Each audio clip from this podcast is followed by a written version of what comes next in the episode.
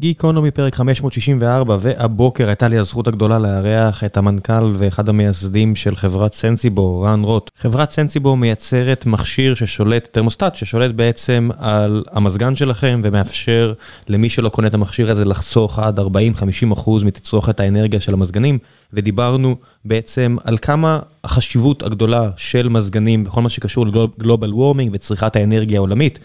כפול פי כמה ופי כמה ופי כמה מכל מה שקשור למכוניות על הכביש לצורך העניין, אז דיברנו על כל העניינים האלו ועל הדרך היזמית כל כך מעורר את ההשראה של החבר'ה האלו, חברה שכבר הייתה על ערש דווי מספר פעמים והצליחה לחזור ולהביא בראש ולנצח, יזמים פשוט מעוררי השראה וסיפור כל כך מעניין, נכנסנו לכל מה שקשור לייצור בסין ולשליטה על מזגנים ועל אה, ניקיון אוויר, שזה סט המוצרים החדש שלהם, ועל המתחרים, ו Apple ו Dyson וכל מה שקשור לעולם הזה, באמת אחד מהפרקים שיותר נהניתי להקליט בתקופה האחרונה, ולפני שנגיע לפרק הזה, אני רוצה לספר לכם על נותני החסות שלנו, והפעם זו חברה אחרת שאם אתם מאזינים לגיקונומי אז אתם כבר מכירים לפחות את אחד היזמים שלה, Cato Networks. גור שץ היה כאן לפני מספר פרקים וסיפר על, על החברה, על Cato Networks. בעצם עושה אה, דבר דומה למה ש Apple עשו כשהם גרמו לכם לזרוק לפח את המצלמה, ה-GPS, הפנס, נגן ה-MP3 שלכם, אולי אפילו הדף העט, שמו הכל במקום אחד. אז קייטו נטוורקס עושה מהפכה בסדר גודל דומה בכל מה שקשור לעולם הרשתות ואבטחת המידע. אתם יכולים לחזור לפרק עם גור ולשמוע בדיוק על כמה האתגר ההנדסי הוא משמעותי במה שהם ניסו לעשות, אבל כבר מעבר לשלב הזה. הם כבר בשלב שהם כבר גייסו יותר מחצי מיליארד דולר, לפי הערכת שווי של יותר משניים וחצי מיליארד דולרים, כי יש להם כבר המון לקוחות משלמים, ומן הסתם זה עוזר כשיש לך שמות כמו גור או שלמה קרמר, השותף שלו בחברה, אבל רק שמות גדולים שיש מאחוריהם שורה של הצלחות זה לא מספיק, אז יש פה גם מוצר מנצח, ומלבד אותם שני יזמים, יש פה גם הנהלה חזקה, לפחות חצי משדרת הניהול ב Cato Networks. זה חבר'ה שכבר עשו אקזיט משמעותי או IPO, ונבנה כאן תשתית של חברה מאוד מאוד משמעותית. הם מחפשים עכשיו לגייס עוד עובדים, ובתקופה כזו, ההמלצה האישית שלי אליכם זה תעבדו כמו משקיעי הון סיכון. להצלחה יש נטייה לחזור על עצמה, אז תלכו לחבר'ה שכבר הצליחו בעבר ועושים דברים מעניינים, ויש משרות פתוחות שקוסמות לכם. כנסו, תסתכלו, תראו, תאזינו לפרק הקודם עם גור, תראו איזה בן אדם באמת מעולה הוא, ותשקלו לעבוד שם. ואם אתם מגיעים, תגידו שהגעתם דרך גיקונומי, זה יהיה לי נחמד ברמה האישית. ועכשיו, לפרק הזה עם רן מסנסיבו, מקווה שתהנו.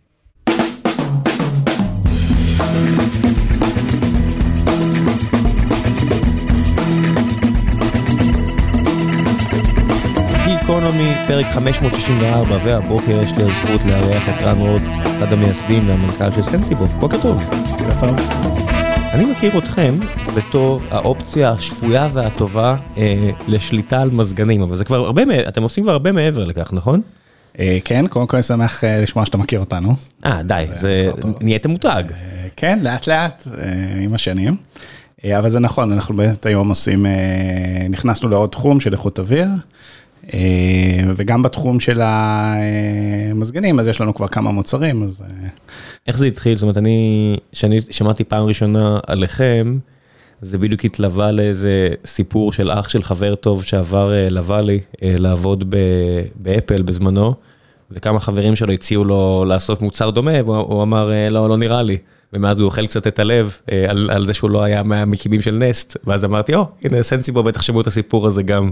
וואלה, מעניין. אה, אז, אז האמת היא שהסיפור אה, אולי, אה, הסיפור אולי, מי שהיה צריך יותר לספר אותו זה השותף שלי, אבל הסיפור מתחיל הרבה שנים לפני, לפני אפילו שהיו אייפונים.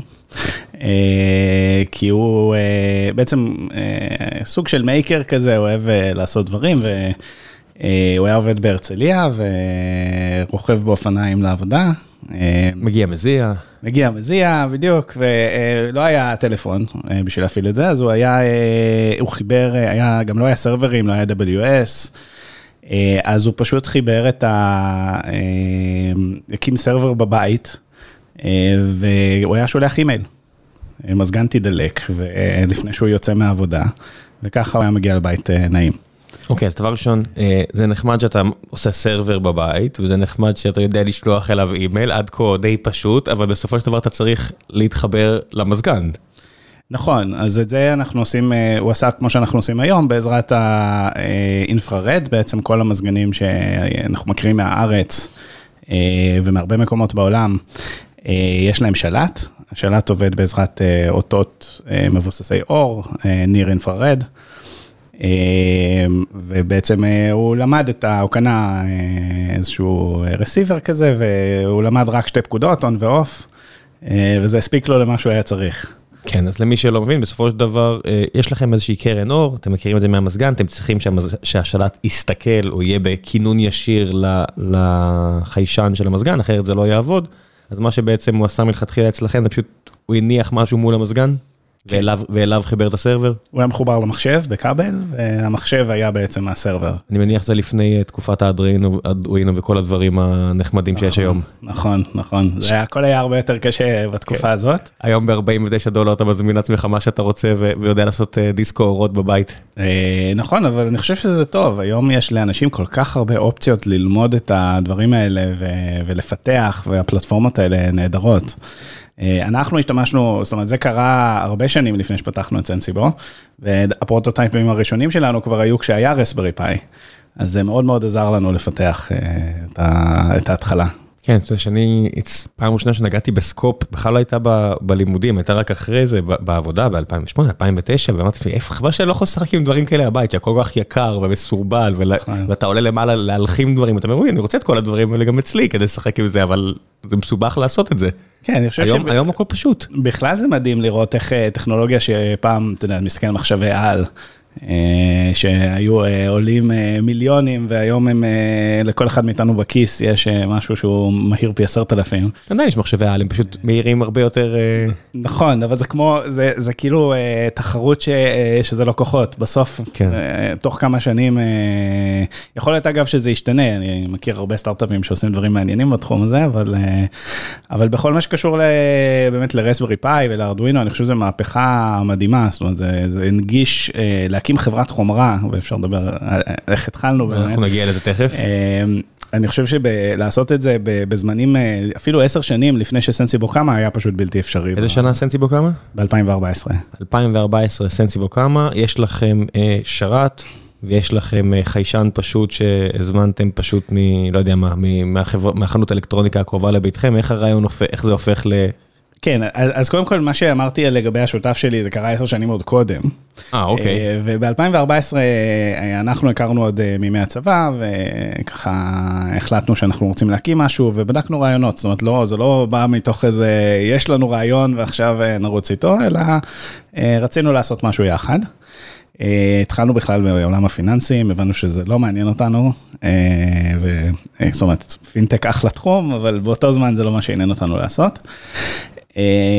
ואז היינו ככה די עבודים, ועומר אמר, השותף שלי, מה דעתך שנחבר מזגנים לאינטרנט?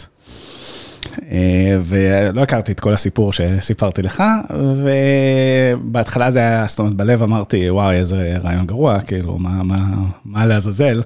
ואגב, הרבה פעמים הרעיונות דווקא הטובים, הם בהתחלה מפתיעים אותך. זאת אומרת, הם נשמעים פחות הגיוניים, כי אף אחד לא עושה אותם. ו... אבל לא אמרתי לו, כי לא רציתי להבריח אותו ורציתי לחשוב על זה. והתחלנו להסתכל על זה, ואני חושב שבאותו זמן כבר היה את נסט. הם יצאו בערך, אני חושב, שנה לפני כן מוצר. 2013. כן, כן. אני פשוט מכיר, השנה חקוקה לי כי שמעתי את הסיפור. אה, אוקיי, השנה של נסט, כן. אז כבר שמענו עליהם, כבר ידענו שיש איזושהי הצלחה בארצות הברית. ומה שעומר אמר לי זה, תשמע, הם מטפלים במזגנים מרכזיים בארצות הברית, אבל פה בארץ זה לא עובד. הזמנתי, לא עובד לי. ואני בעצם... למה בעצם? כי, טוב, אפשר להיכנס, זאת אומרת, בגדול, מזגנים יש להם כל מיני אפשרויות שליטה. ברוב העולם יש מזגני אינפרארד, שזה הרוב הגדול של המזגנים. ובארצות הברית, דווקא בארצות הברית, איפה שנסט התחילו, יש, כל השליטה היא בתרמוסטטים על הקיר, זאת אומרת, זה מין יחידות בקרה כאלה שיש בדרך כלל בארץ רק בבניינים, אז שם יש בכל בית. אני מסתכל עכשיו פה על התרמוסטט פה בחדר, אז זה כזה, זה פשוט מכוות נכון, ישירות. מכוות דרך הקיר. אז, אז נס, מטבע הדברים, התחילו להחליף את התרמוסטטים. כן. אני רק אתקן שאני, אם הכרתי את זה ב-2013, כששמעתי את הסיפור, זה כנראה כבר כמה שנים אחרי שהם כבר פרצו, אז אני מניח שלפחות 3-4 שנים, אם הוא כבר אכל את הלב בתקופה הזאת, אני רק אגיד. לא, אני חושב ב-2013 הם יצאו עם המוצר, הם היו באיזה סטלס מוד אולי קודם, אבל אולי 2012, אני לא בטוח. לא יודע, אני הכל נופל אצלי בראש, אם שמעתי את הסיפור, לא יכול להיות שהוא אכל את הלב כל כך מהר, הוא אכל את הלב טיפה אחרי. הם עשו רעש די גדול, הם בדיוק, כשאני זוכר כשאנחנו הקמנו, הם בדיוק גייסו 80 מיליון דולר ב high profile. זה נשמע כאילו זה מה שהוביל לזה, אני אשאל אותו, אוקיי. אז מה הזמנת ארצה כדי לבדוק את זה? הזמנו את ה Nest ולא הצלחנו לחבר אותו, זאת אומרת היינו עד כדי כך לא הבנו, זאת אומרת חשבנו שה Nest איכשהו יעבוד. ואז הבנו שזה לא עובד והתחלנו לחקור, לחקור את הרעיון. ובהתחלה זה היה נראה כמו איזה גימיק נחמד ואיזה יופי, אבל למה, למה זה טוב. ואולי שווה להגיד, הרקע שלי הוא, וגם של עומר, אנחנו טכנולוגים. מאוד כזה בנשמה, אני, אני בא מרקע של דאטה, של אלגוריתמים, ובהתחלה זה היה נראה לי כמו, אוקיי, כאילו אנחנו עושים את הגאדג'ט הזה ומה, זאת אומרת, למה זה מעניין אותי לעשות את זה. אבל ככל שחקרנו, אז אני חושב שכל הנושא האנרגטי, הסביבתי גם. חכה, עוד נגיע לזה, אבל בוא נתחיל מההתחלה שנסט מגיע אליכם, אתה מסתכל על היחידה הזו ואתה אומר, אוקיי, איך זה מדבר עם המזגן? בדיוק. זאת אומרת, זה לא שלא יכולנו לקרוא את זה, אבל כאילו כן, עדיין היה לנו חשוב לראות בעיניים את המוצר ולהבין, וכשראינו שזה לא עובד, אז עומר התחיל להסביר לי, אני לא ידעתי כלום על התחום הזה, התחיל להסביר לי על הרעיון שלו, ואמר לי ככה זה עובד, ויש אינפרארד, ובעצם התחלנו לחקור גם את השוק וגם את הטכנולוגיה. כשהתחלתם לחקור את השוק, עד כמה באמת יש שונות? זאת אומרת, אני מניח שגם באינפרארד יש איזשהו ספקטרום של תדרים, שמה, שבכל מדינה הוא יהיה זהה? זאת אומרת, מה שיעבוד ב, בישראל יעבוד גם ביפן? אוקיי, okay, השונות הזאת זה סופר חשוב בסיפור, זאת אומרת, לא היה לנו מושג עד כמה היא גדולה. גם כשהתחלנו לא היה לנו מושג למה אנחנו נכנסים. אז מבחינת התדרים זה דווקא לא בעיה, התדרים הפיזיים הם כולם 940 ננומטר, מאוד סטנדרטי. אבל כל מה שמעל, אף אחד לא יודע. זאת אומרת, יש עשרות אלפי מודלים של מזגן. אין סטנדרט. אין סטנדרט. אין סטנדרט, ויותר מזה, אתה גם תדבר עם חברת מזגנים, הם לא יודעים מה הפרוטוקול שעובר בשלט שלהם. הם בדרך כלל עושים sourcing של זה לחברה אחרת, והחברה הזאת לא תגלה את זה, ובעצם לאסוף את ה data הזה באופן, בוא נגיד, לבקש לו מאנשים, זה פרקטיקלי לא אפשרי. כן, אני מכיר שהם מגיעים כזה עם איזה, מי שמתקן מזגנים מגיע איזה תיק גדול, מזוודה גדולה עם כל מיני שלטים, הנה זה עובד. נכון, נכון. אז, אז אנחנו היינו קצת, אז אמרנו, אוקיי, איך נפתור את זה? אמרנו, אוקיי, ניקח שלט אוניברסלי. הנה, כבר אנשים עשו בשבילנו את העבודה. מתברר שזה הרבה יותר מסובך מזה. רוב השלטים האוניברסליים אין להם את אותה אמינות שאתה מצפה ממוצר שהוא IoT. זאת אומרת, שלט אוניברסלי בדרך כלל תסתפק בזה שה on-off יעבוד, טמפרטורה וזהו. גם, עדיין אנשים לא הכי מרוצים מהשלטים האלה. בשביל להגיע לאמינות שהגענו אליה היום, היה צריך לעבור הרבה, יכול נגיד. אז בואו נקפוץ על השלב הזה, אז אתם מתחילים, ואיך מתחילים דבר כזה? אז קודם כל, אני חושב שאנחנו שנינו יזמים פעם ראשונה, לא מכירים, לא מקושרים, או לא יודעים איך לדבר עם משקיעים. ו... וכמו עשינו מה שאנחנו יודעים לעשות, שזה לבנות את הטכנולוגיה קודם. אז, אז יצרנו את הפרוטוטייפים, ממש הלחמנו אותם בידיים, ובמקביל ניסינו להבין איך אנחנו אולי מגייסים השקעה. רגע, אבל פחות, פחות בוא נתרכז שנייה בטכנולוגיה, דווקא זה, זה מעניין אותי. זאת אומרת, אם אני מסתכל על פרוטוקול תקשורת ונניח, לא יודע מה, שאני יותר התעסקתי בבלוטוס או NFC, אז יש כל מיני וריאנטים בין המדינות, אז ב-NFC, אתה יודע, יש לך את ה-NFC-A ואת ה-NFC ההוא, ובסופו של דבר זו משפחה של איזה חמישה פרוטוקולים, תממש את כולם, כיסית את הכל, וגם אם מישהו חזר מקוריאה עם איזה כרטיס, אנחנו רצים למעבדה, בודקים, אוקיי, הנה, זה עובד גם פה. מה שאתה מתאר, זה שונות קיצונית, בסופו של דבר, אם כל יצרן מסין עכשיו הולך לייצר איזשהו אה, מזגן ב... תצורה אחרת, אתם נשארים עם מוצר שלא עובד, אז אני מנסה להבין שמיפיתם את השוק, זה ממש משפחות של פונקציונליות אז- פשוטה? אז הדבר הראשון שעשינו זה היה לקחת אה, שלט אוניברסלי, אה, לפרק אותו, אה, ועשינו רובוט שפשוט אה, עובר על כל הפקודות ומקליט אותם לתוך המחשב. זה היה פרויקט שלקח איזה חודש, חודשיים, היה נחמד. אה, ואמרנו זהו, הבעיה נפתרה, יש לנו... זאת אומרת, יש לכם איזשהו- באותו רגע היה database. איזשהו receiver, כן. אתם רואים מה נכנס, בדיוק. ורושמים אוקיי, זה עושה את זה, זה עושה את זה, זה עושה את זה. אבל מהר מאוד הבנו שיש פה ברוך, למה ברוך? אמ, כי בעצם אה, מזגן, אה, הרבה מאוד מהמזגנים שהם אה, שולחים, כשהם שולחים פקודה, הם לא שולחים למזגן תדלק, הם אומרים לו את כל הפקודה, זאת אומרת לו תדלק, בטמפרטורה הזאת, ב setting הזה, ומהר מאוד זה גדל אקספוננציאלית, כי יש לך נגיד אה, 20 ביט של מצב, אז זה כבר הופך להיות מיליון פקודות. 20 ביט זה טיפה יותר, כן. מיליון, מיליון וריאנטים אפשריים. מיליון אה, פקודות רק לאותו מזגן. כן, למי- בסופו בסופו של דבר יש לכם איזושהי אה, קונפיגורציית ברירת מחדל. כשאתם מדליקים את המזגן, יש לכם את אה, כיוון האוויר עם כל מיני אה, כיווניות כזו או אחרת, הטמפרטורה, את המצב, אז זה כבר מכפיל בארבע, חום, קור, רוח, או לא יודע מה יש לכם במזגן, והמכפלות האלה, הופכות להיות מאוד מהר מספר גדול מאוד. כן, אז אני מניח שאין באמת אה, ב-20 ביט, זאת אומרת, אם תיקחו 20 ביטים, כמות האפשרויות שאתם יכולים לשדר זה אה, 2 בחזקת 20, שזה בדיוק 1,000 כפול 1,000, זה יוצא מיליון. אני מניח שזה לא הכל מנוצל, אבל... אה, הכל מנוצל. אה, איך הכל יכול- מנוצל, כי למשל, הסווינג, המדפים האלה של המזגן, אה, אה, נגיד יש להם שני מצבים, אה, אה, בכיוון הוורטיקלי ועוד שני מצבים בכיוון ההורזונטלי. ה mode זה עוד אה, מכפלה של 4 או 5, נכון? אה, תוסיף לזה את ה-on-off זה עוד ביט, 1 או 0. 2.9. אה, אז בתשע תוסיף עוד כל מיני דברים, האם המצב ב economy mode או בכל מיני... פלוס טמפרטורה, מה- רגע. והפן והטמפרטורה, מהר אני- מאוד אתה מגיע למיליון. עכשיו אני מגיע למצב שהמיליון לא מספיק לי, כדי אה, אז לשלוח את אז הכל אני אומר, יש- הרבה, ובהתחלה גם ויתר, ואז מהר מאוד אמרנו, אוקיי, טוב, נוותר בינתיים על חלק מהדברים, כדי שנספיק, ב- אתה יודע, אה, כשאתה מריץ את הפקודה, אז לוקח איזה שנייה לשלוח אותה, שנייה לרסיבר, זאת אומרת, כל פקודה לקחה איזה שנייה. הדבר הזה רץ במשך חודשים. אני מניח אבל שזה לא אקראי לגמרי, זה לא שהם באמת פשוט הצמידו קונפיגורציה לאיזשהו אה, אנומרציה של הביטים, אלא, אתה יודע, שהשישה ביטים האלה, או לא, צריך הרבה פחות משישה, השישה ביטים האלה או האלה זה הטמפרטורה נגיד. הביט הזה זה on off, לא? בוא? נתחיל בזה שאתה לא רואה ביטים. אתה רואה משהו שקצת דומה ל Morse code. זאת אומרת, אתה רואה אורכים, אתה רואה שהם מדליקים פנס, סוגרים פנס, מדליקים כן. פנס, סוגרים פנס, ואתה יכול למדוד כמה זמן כל... אה, אז קודם כל יש לך איזשהו physical layer שאתה צריך לפענח לפענח אותו בשביל לעבור לביטים. כן. בשלב הזה אפילו את זה לא עשינו. פשוט אמרנו, אוקיי, אנחנו יודעים את הסיקוונס של האור, שאומר, תדליק את המזגן בצורה הזאת, וזהו. פתרנו את הבעיה.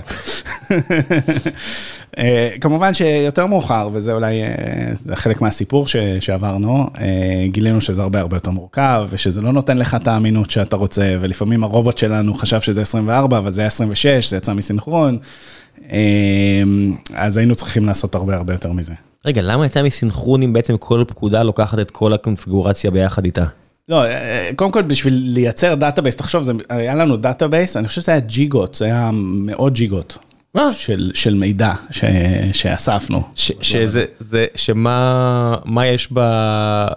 ב-DB הזה? יש לך מצד אחד אורכי גל ומצד שני תוצאה? כן, ממש ככה, הכי, הכי raw אפשר. אה, אבל זה אפשר לנו, זה אפשר לנו כן להתקדם, זאת אומרת, אה, זה, היום אני מסתכל על זה בדיעבד ואני אומר, היום יש לנו אה, מנוע שלם שנמצא ב cloud, שאני חושב שהוא הכי טוב אה, שיש אה, בעולם.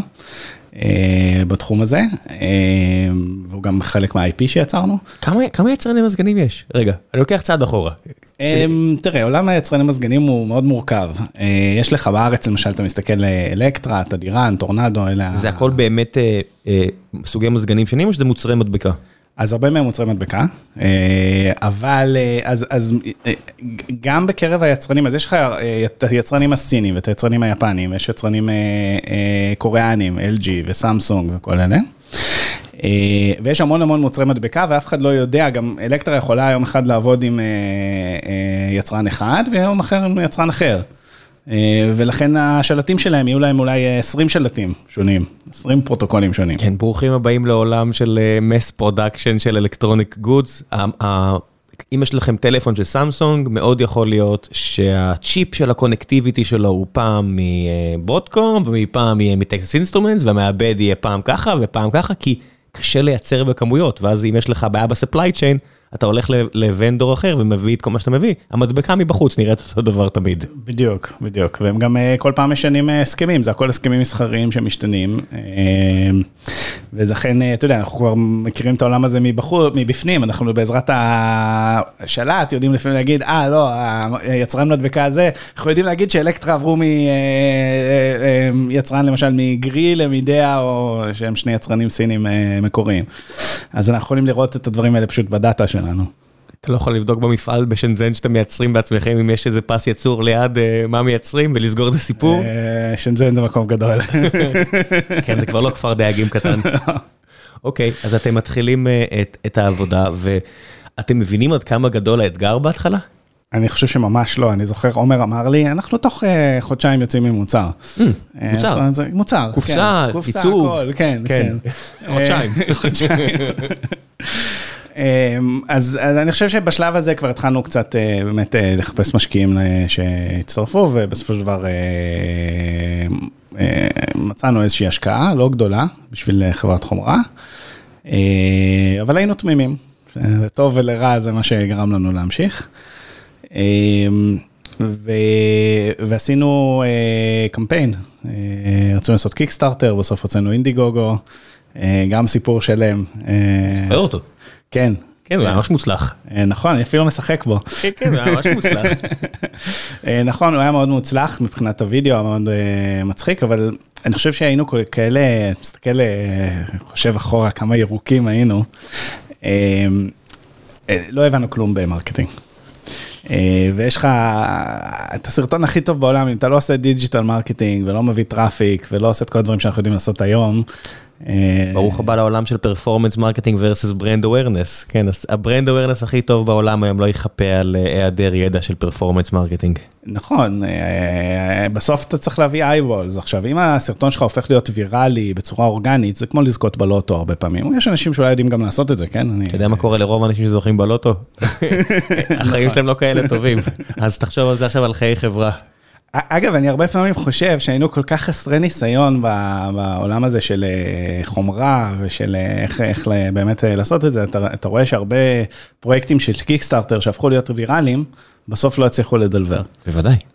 אז אני אומר לפעמים זה קללה. over promise under deliver זה קלאסי לקיקסטארטר. בדיוק. ואני חושב שאולי הסיבה שאיכשהו הצלחנו לדלבר בסוף, אני אומר איכשהו, כי המוצר הראשון לא היה גאוות חיי, בוא נגיד ככה. אז, אז אני חושב אולי זה שדווקא לא הצלחנו להביא את העשרה מיליון דולר בקמפיין, והיה לנו קצת פחות את הלחץ הזה. כמה זמן לקח לכם לדלבר למי שקנה באינדיגוגו בהתחלה? אני חושב ששנה, אני חושב שקיווינו שזה יהיה, איחרנו באיזה חצי שנה. כן, אני זוכר שעקבתי אחרי זה מהצד. כן. וראיתי, כי אנשים ממש התרגשו, עשיתם הייפ מאוד קיצוני, ואנשים חיכו, ואני מניח שהסיבה שאתה אומר שזה לא גאווה, כי היו תגובות קשות בזמנו. אנשים שהתאכזבו, ו yada yada yada. כן, תראה, ברגע שאתה ב-B2C, אנשים מתאכזבים. אתה רגיל כבר לאכזב אנשים, זאת אומרת, אבל אתה לא היית רגיל, זה פעם ראשונה שאתה מאכזב אנשים ב scale כזה. זה נכון. איך התמודדת? אני חושב שתמיד עומר היה יותר טוב בלדבר עם המשתמשים. אני למשל אף פעם לא, גם בתקופות שבהם היינו מעט, ונגיע לזה, תמיד ה-customer support או לדבר עם האנשים זה היה הצד שלו. אז אני מניח שההדחקה זה... להסתכל לכיוון השני ולחזור לקוד. בדיוק. לא, לא, לא, לא, הכל בסדר, יהיה בסדר. כן, בסופו של דבר היה לנו חשוב, אני חושב, להתמקד בלהוציא את המוצר ולהגיד, אוקיי, כאילו, נעזוב את כל הרעש, עכשיו אנחנו פשוט מתמקדים בלעבוד. מה היו הטעויות הטכניות, עזוב שיווקיות, שעשיתם במוצר הראשון? וואו, כל כך הרבה. רגע, בוא נתחיל במה היה ההבטחה. ההבטחה הייתה מוצר שהוא די דומה למה שאנחנו עושים היום, שאתה יכול לשלוט במזגן, שמכל מקום, באותו זמן עוד לא נכנסנו לכל, כן דיברנו על חיסכון באנרגיה, אבל אני חושב שרוב האנשים בעיקר רצו את זה בתור... שיהיה לי קר שאני בא הביתה. כן, שיהיה לי קר. אבל לא רוצה להדליק מהרגע שאני יוצא מהבית. נכון, נכון. אמ, וכן אה, ניסינו גם אה, להציג את עצמנו כמו נסט למזגנים, לכל שאר המזגנים. אמ, Nest for the best Sensible for the rest. בדיוק, כן. אה, אתה יודע, מה שנסט עברו מאז זה כבר אה, עולם שלם, היום נסט בעצם היא לא קיימת. אה, Nest זה מותג בגוגל, מותג, ב- ב- ב- בדיוק. בחנות של גוגל. בדיוק, ולכן גם כל האסטרטגיה שלהם השתנתה, הם אה, הרבה פחות בענייני המזגנים והרבה יותר בוא נשתלט לך על כל הבית. הם עכשיו בשיטה של אה, בוא תקנה ב-39 דולר את המכשיר הזה ונביא לך עוד 2 ב-19. לא באמת, החוויית קנייה בחנות של גוגל היא אגרסיבית בצורה, אני לא יודע מי מכם קנה לאחרונה משהו בחנות של גוגל כי היא פשוט לא פעילה בארץ, אבל כשקונים את זה בארצות הברית, הם תוקפים אותך אחרי זה באין סוף מיילים, ואתה רק נכנס ומגלה יש פה המון מוצרים, והם מעוצבים פנטסטי. הם מנסים להתחרות ב- באפל בגדול, כן. זאת אומרת, מנסים למצוא את הדרך. אה, חוץ מזה שאפל לא מנסים להתחרות בהם, זאת אומרת, אתה מסתכל מה אפל לא עושים, אז את כל העולם הזה של ראוטרים ותרמוסטטים ואת כל הדברים האלה שגוגל עכשיו מוכרים, אפל סוג שנתנו להם את השוק.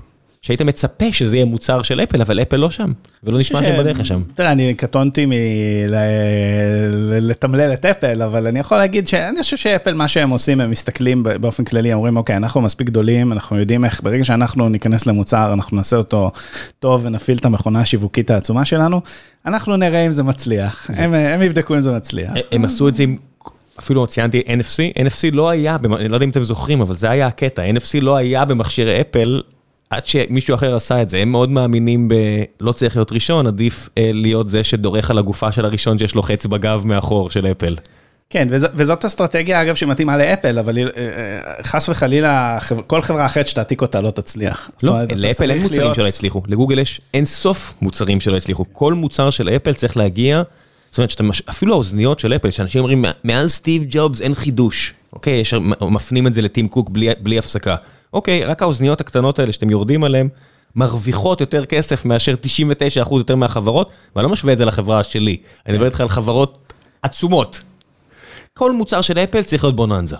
כן, אז מעניין אה, ככה, אם בכלל שאתה מעלה את אפל, ואנחנו כבר מדברים על הימים הראשונים, אז טעויות טכניות. אז אחת הטעויות אה, זה לנסות להיות אפל. אה, טעות מאוד קשה לסטארט-אפ, לחשוב כמו אפל. על הפנים. ממש. אה, אני יכול להגיד לך, אה, היה לנו נורא חשוב שהמוצר יהיה יפה. שיהיה ממש יפה. אה, והתעקשנו, ישבנו עם המעצבים התעשייתיים ואמרנו להם, לא, זה במילימטר גדול מדי לפה, זה במילימטר ככה, אנחנו לא מוכנים שיהיה את זה. אה, אני חושב שזה עיכב את הפרויקט באיזה חצי שנה. אין ספק שאתה יודע, אתם לא ג'ובס והם לא אייבי, אז הכל בסדר, תעברו הלאה, זה- זה לא- כן. זה לא יהיה ככה. אבל זה קשה, כי, כי אתה לא יודע מה, מה גורם עדיין להצלחה בשלב הזה, ואתה אומר, אוקיי, אנשים, התחייבתי גם, גם בעוד משהו שקורה בקמפיינים האלה, זה שה form factor, אתה מציג אותו, אתה מציג מוצר, עוד אין מוצר, אבל אתה מציג אותו, כי אנשים רוצים לראות איך זה נראה, נכון? רוצים לראות את ה prototype ואת התהליך, אה, ואז אתה מתחייב, אתה מתחייב לאיך זה נראה, אתה לא. לשנות, יש תמונה, כן? וזה נראה, סלח לי, אבל sleek as fuck, זה פשוט נראה פנטסטי. כן. בזמנו. אז, בדיוק. כי חשב- כי חשבתי לקנות, אתה יודע, בדירה שכורה חשבתי לקנות, אמרתי, אוקיי, סבבה. אה, אולי נגיע למוצר הכי מצליח שלנו תכף ו- ונדבר על איך, אה, הוא עוצב, אבל אה, כן, אה, אז, זה- טעות. איך הייתה- איך היה הייצור? אתה יודע, בסופו של דבר, אחד מהדברים הכי קשים, ואני מכיר את זה מהחבר'ה של ערן שיר ונקסר וכל מיני כאלה, רק הייצור בכמויות, זה לא טריוויאלי. לא זה טריוויאלי כל כך. לא טריוויאלי. בכלל, כן. אה, אז גם במוצר הזה ייצרנו אותו בארץ. איפה? אה, באיזשהו יצרן מקומי, יצרן טוב דרך אגב, אבל אה, אתה יודע, זה... באיזה כמות? איך ידעתם כמה לייצר?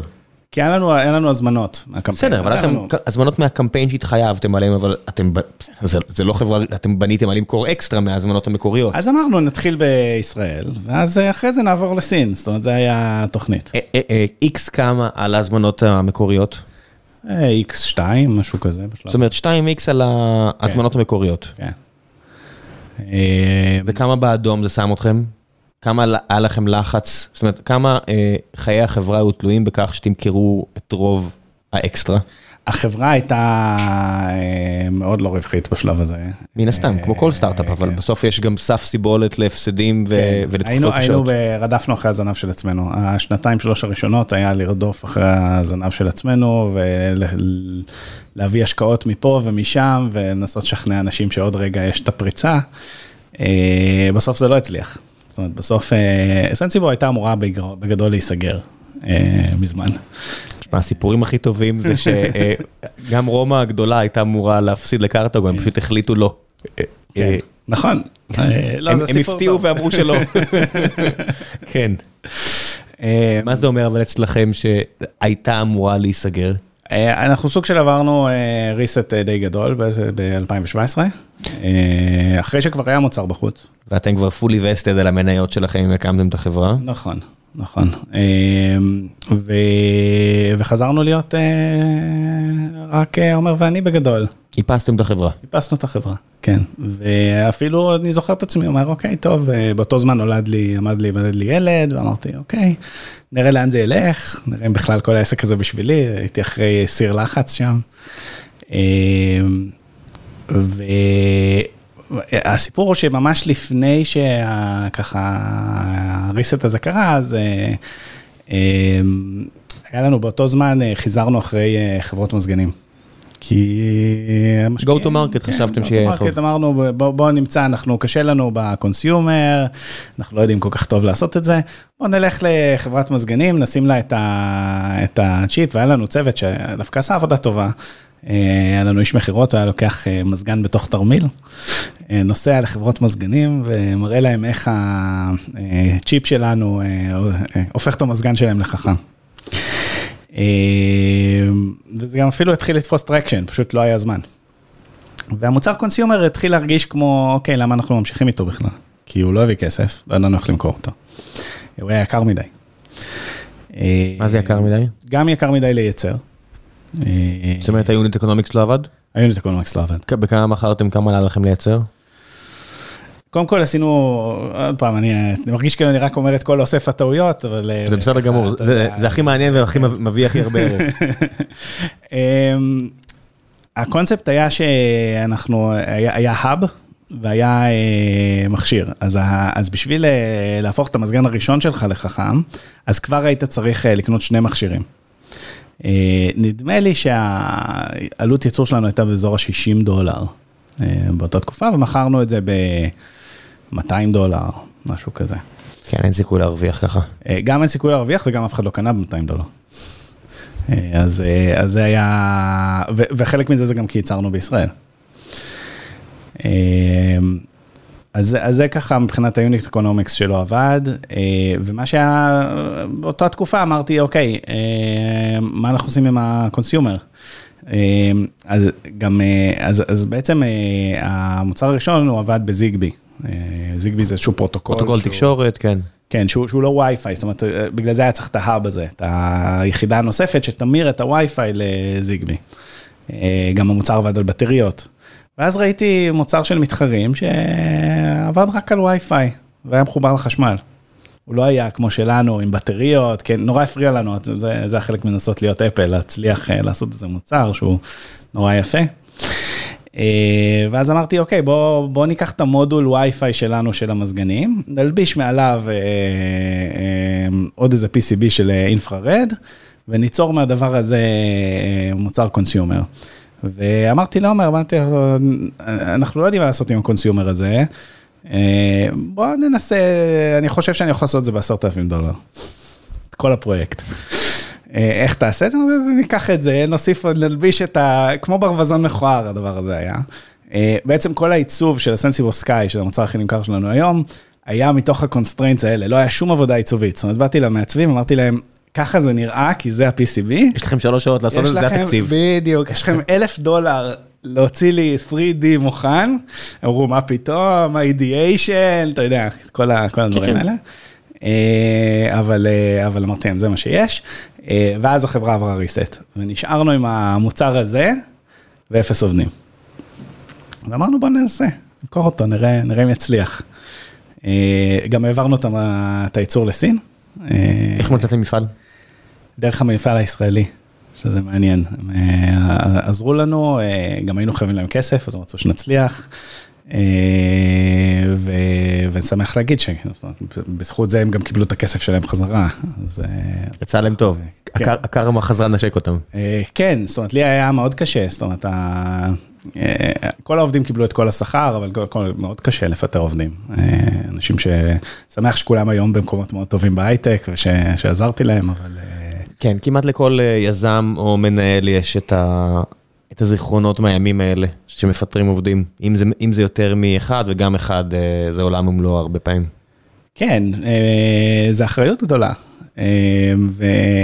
אבל... תשמע, כל עוד לא הלנת שכר לאף אחד, כן. אתה, אתה בסדר בספר שלי, ליוסי ורדי, שהיה משקיע שלנו בסטארט-אפ הקודם, תמיד היה את החוק הזה של סטארט-אפ לא מת כשנגמר הכסף, אלא סטארט-אפ מת, זאת אומרת, מהבחינה של העובדים, שלושה חודשים, ארבעה חודשים לפני, כי יש לכם חובות ואין סיכוי שמישהו פה לא משלם את החובות שלו. כן, אז השכר לא, אבל למשל עם המפעל הייתי צריך להחזיר כסף, ולא היה ברור שאני יכול להחזיר אותו, ואני חושב שזה היה חלק מה... אמרנו בוא ננסה לפחות שנחזיר את החובות. זה ה drive, זה ה drive. זה כאילו היה, אתה יודע, משם זה התחיל. אמ, ולא ידענו איך למכור אותו, אני זוכר עשינו אקסל, אמרנו אוקיי, אה, אה, אה, קודם כל הלכנו לסין והיה לנו את ה-COO ש... שהיה לנו בפאזה הקודמת, הוא ליווה אותי לסין, הוא עד היום אה, קשר איתו, בן אדם מדהים. אה, והוא פשוט נסענו יחד, והוא ידע שהוא הולך להיות מפוטר, השארתי רק אותו, הוא ידע שהוא הולך להיות מפוטר עוד חודש, בכל זאת נסע איתי לסין, עזר לי בכל ה... איך הייתה החוויה הזו? של לטוס איתו לשנזן ובתוך ההבנה שזה... תראה, אנחנו נוסעים במונית למפעל ואני שולח לו זימון לשימוע, זאת אומרת זה, זה כאילו כזה, כי אני צריך, אתה יודע. יש הוא, חוק. הוא, הוא כבר ידע את זה, כן. הוא ידע שזה הולך לבוא. כן, היי שמעון, יש לך פה מייל שמחכה לך, רק תאשר לי שקיבלת. כן, אה, תראה, יש אנשים, אה, זה אולי אחד הדברים שאני הכי אוהב אה, במסע הזה. אתה פוגש כל מיני סוגים של אנשים, ויש פשוט אנשים ש... שנורא כיף אה, לעבוד איתם, זאת אומרת שזה אנשים ש... ש... והוא כזה. אז אה, הוא עד הרגע האחרון עזר לנו ואמר אני רוצה שתצליחו. אה, ואני מקווה שאני מחזיר לו, אתה יודע, בקרמה חזרה. איך היה המפגש הראשון עם אה, עולם המניפקצ'רינג הסיני? וואו, קודם כל זו פעם ראשונה שהייתי בסין. אה, בעצם הייתי רק פעם אחת. אה, מאז ועד, מאז ועד אז. אה, בכלל, המניפקצ'רינג שלנו היום, אני חושב, אחד סיפורי ההצלחה הכי גדולים שלנו. אף אחד מהחברה לא היה בסין בחמש שנים האחרונות. הוצאנו מוצרים שלמים ברימוט עם הפרטנרים הסינים שלנו, אה, בלי שאתה יודע, אני רואה חברות עם אנשים שנמצאים שם ולא מצליחים ועושים את זה, אצלנו הכל ברימוט ועובד, בקורונה הוצאנו שני מוצרים חדשים. אה, אז, אה, אז אני חושב שזה סיפור הצלחה מאוד, מאוד גדול שם. ואיך זה היה? זאת אומרת, הגעת לשם בפעם היחידה והראשונה שהיית שם, אתה פוגש את את האיש קשר שלך במפעל, לוחץ לו את היד ו...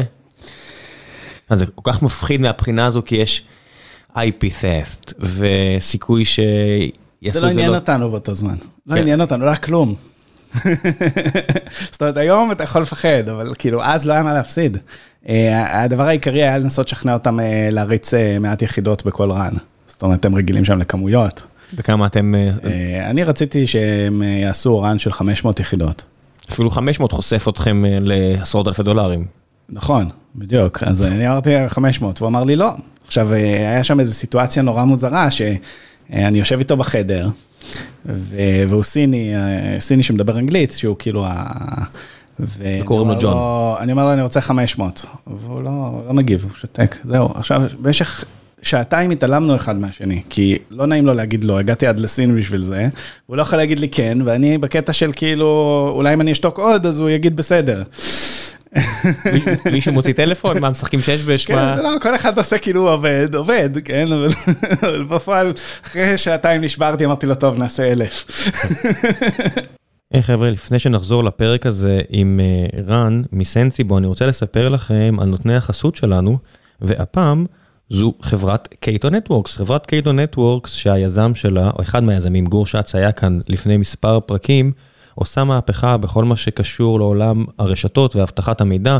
מדובר על שוק של למעלה מ-30 מיליארד דולר, כלומר באמת מטרה ראויה עסקית, אבל זה לא רק עסקית, מדובר פה על חברה של אנשים מקצוענים, וכיף לעבוד עם אנשים מקצוענים. לפחות חצי מהאנשים בשדרת הניהול בקייטו כבר עשתה אקזיט או IPO משמעותי, וזה לא רק שלמה קרמר וגור שץ שהם שניים היזמים היותר מוערכים בארץ, בטח בכל מה שקשור ל cyber security, אלא שורה של אנשים שבאמת כדאי ללכת אחריהם. שלושה מתוך כל ארבעה לקוחות שמנסים את קייטו גם מצטרפים לשירות. החברה לא סתם הגיעה למעמד של unicorn, אלא גייסה בדרך יותר מחצי מיליארד דולר, לפי הערכת שווי של שניים וחצי, מה שאומר שהם סופר יציבים והולכים לעבור את התקופה הקשה הזו בסבירות מאוד גבוהה כמנצחים.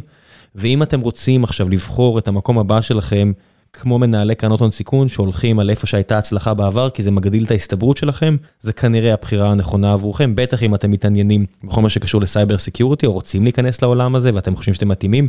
אנשים שמצטרפים לקייטו עושים את זה לא רק בגלל ההצלחה העסקית, אלא כי יש שם אתגרים מאוד משמעותיים, ושוב, אני מזמין אתכם להאזין לפרק עם גור, רק כדי להבין עד כמה האתגרים האלה משמעותיים, ועד כמה מעניין יהיה לכם במידה וכן תנסו, ותגישו את המועמדות וגם תתקבלו. ואם אתם עושים את זה, רק תגידו אה, שהגעתם דרך גיקונומי, כי זה יהיה לי מאוד נחמד ברמה האישית. וזהו, שיהיה המון המון בהצלחה לכם ולקייטו נטוורקס, ועכשיו בחזרה לחברה אחרת, רן מסנסיבו. זאת אומרת, אתה שולח מכתב שימוע, אתה עובר על מיילים, אתה חושב, אתה מעדכן אקסל, אם הוא בינתיים בוהה בך? כן, כן, יש להם זמן, גם יש להם אנשים. אה, זה, אבל זה, תשמע, זו חוויה מדהימה, זאת אומרת, לראות את סין, והייתי ב... שיכנו אותי במלון, בקומה 35, בניין של איזה 70 קומות, לא מופיע בגוגל מפס, אין אותו. זאת אומרת, כל העיר כאילו לא קיימת בעולם שלנו. אה, זה מטורף, זאת אומרת, זה כאילו כמויות על כמויות של אנשים שאתה לא יודע שקיימים. כן, והרבה מהם עושים דברים ממש ממש גדולים, אתה יודע, ש... אולי אני אביא את אה, נימו רותם, איירון מן הישראלי, לפה, הוא מייצר שם כל מיני דברים בסקייל עצום, וזה בן אדם, אתה יודע, שלא יופיע לך, אלא אם כן אתה מכיר אותו, לא יופיע לך בשום מקום, אבל אתה יודע, הוא איש תעשייה מדהים. כן. באמת, מהסיפורים הישראלים הכי מדהימים, והוא, אתה יודע, לא יהיה כזה מוכר, הוא עוד אחד מיני רבים שם. נכון, נכון, יש, אה, יש שם, זה, זה, זה עולם שלם, זה תרבות אחרת, והם לא מדברים אנגלית בכלל, זאת אומרת, זה לא... אה, אז זה ככה פתח, אה, פתח קצת את העיניים. זהו, ואז חזרנו, ו...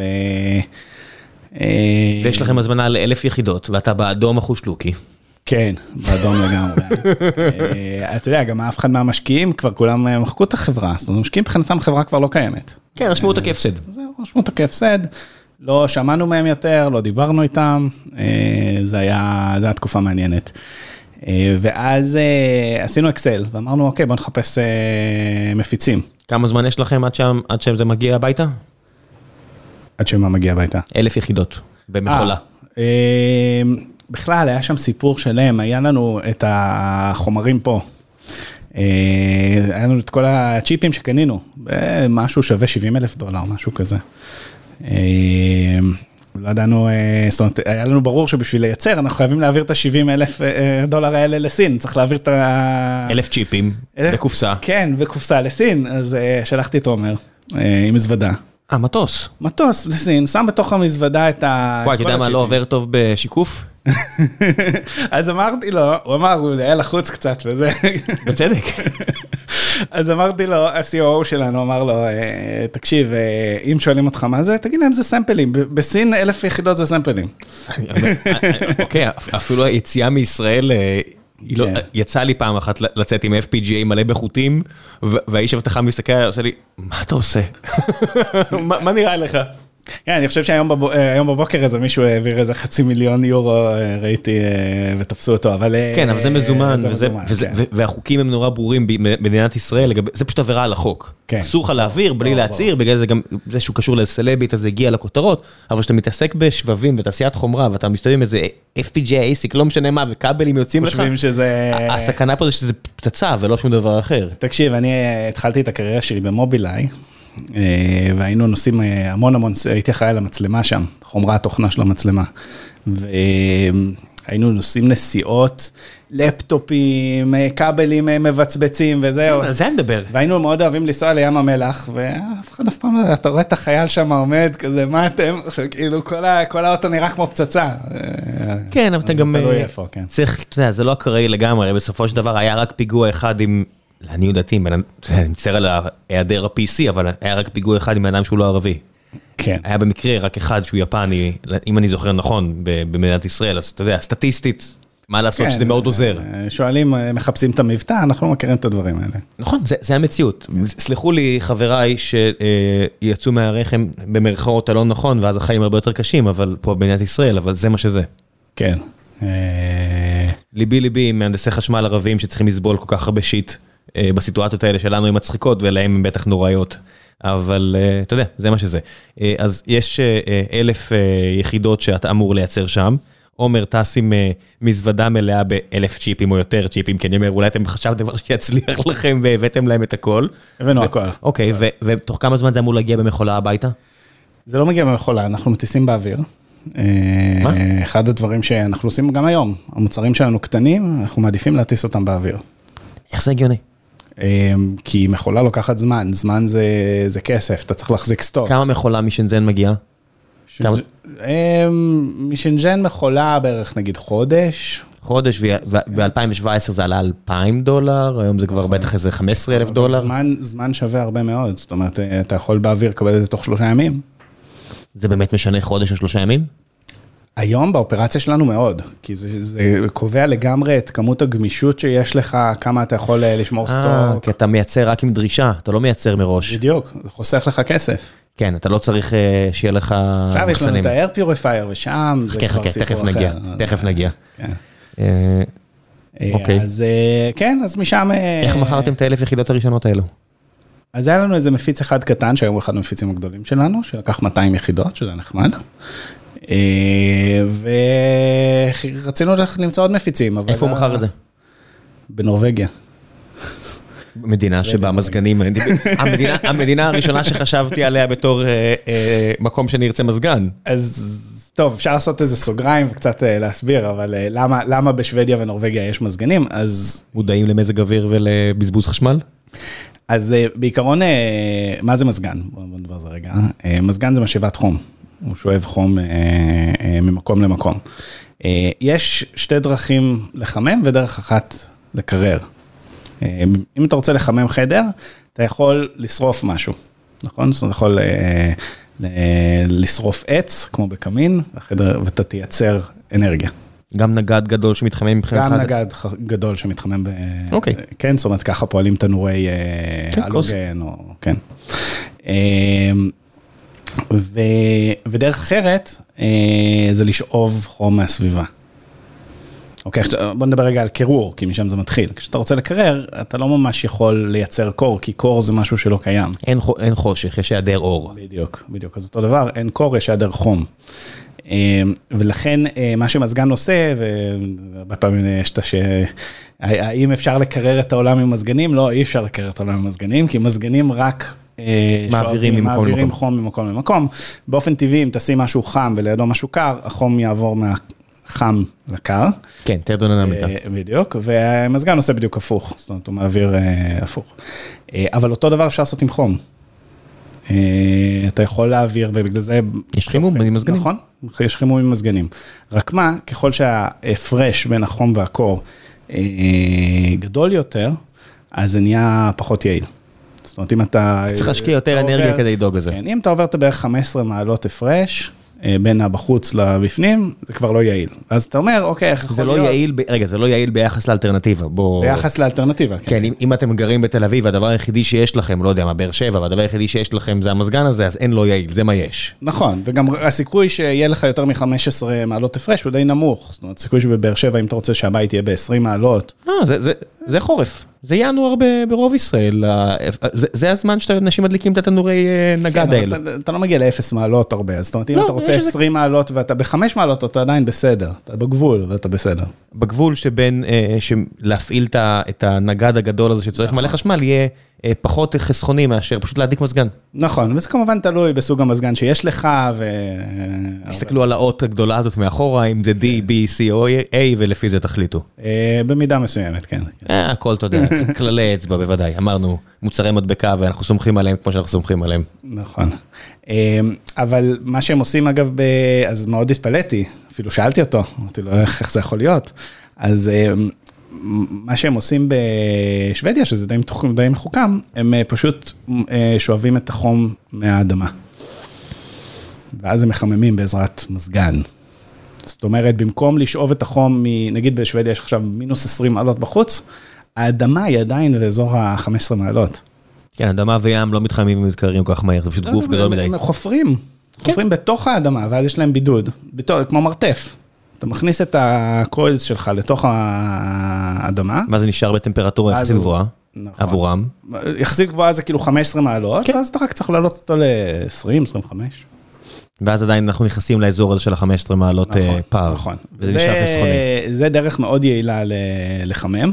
עדיין רוב המדינות האלה מחממות פשוט בגז, פשוט צינורות גז שיש בקירות, לא? זה אחד הדברים הטיפשיים ביותר שיש מבחינה אנרגטית. זאת אומרת, עכשיו הם לומדים את זה על בשרם עם כל מה שקורה באוקראינה ופוטין. כן, אבל, אבל זה, זה מה שקורה בהולנד וגרמניה וסקנדינביה, הרבה, בהרבה מהקירות, פשוט יש צינורות אז... גז שזורמים ומחממים את הבית. אז סקנדינביה פחות.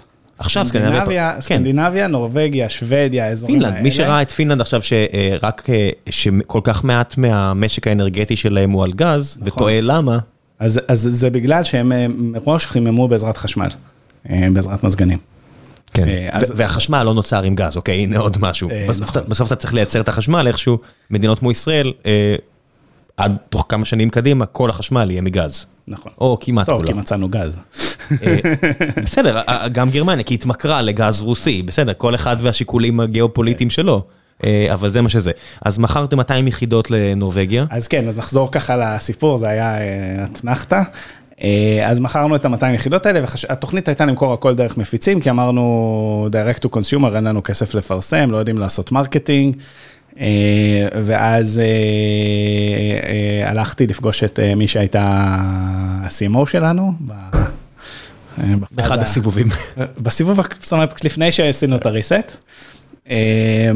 והיא, אמרתי לה, בואי תעשי לי איזה קראש קורס על איך מפרסמים בפייסבוק. אני אשים פה עשרה דולר, נראה אם זה עובד. ובאמת, כאילו, לגמרי ישבה איתי, איזה כמה בבית קפה ככה, בכיף, הראתה לי. אה, שזה זה עוד פעם, זה, זה אחד הדברים הנחמדים, זאת אומרת, אנשים שכאילו, אה, חלק מהם נאלצתי לפטר, והיו איתנו בפאזה הקודמת, כל כך אהבו את החברה, שפשוט כאילו אמרו, אוקיי, בוא, אה, בוא נעזור לך קצת. וזהו, ואז התחלנו לפרסם, וזה פשוט עבד. כן, טוב, במאמר מוסגר, מערכת הפרסום של פייסבוק זה מוצר כל כך מופלא, שמספיק שיש לך ראש אנליטי ורצון להצליח, ובאמת מחויבות לעניין הזה, אפשר לעשות שם פלאים ואתה לא צריך אף אחד. נכון. זה, זה פשוט, אנשים לא כל כך לא מעריכים את הפלא שהוא, שהוא אה, כיוון שאני מנסה לטפס על ההר הזה בעצמי, אנחנו מנסים לבנות מתחרה, סוג של, זה, זה אתגר מטורף שהם פיצחו, גם הם וגם גוגל, פייסבוק העתיקו מגוגל בתחילת הדרך, כמו שצ'מאת' פליהפיטיה, מספר שהוא הוביל את זה, הוא פשוט הסתכל על גוגל וגנב את זה, אה, אבל הם עשו מוצר מדהים, מדהים, מדהים, שכל בן אדם כמעט יכול להוציא ממנו כמות ערך לא נתפסת. כן, תראה, אני עבדתי, ב...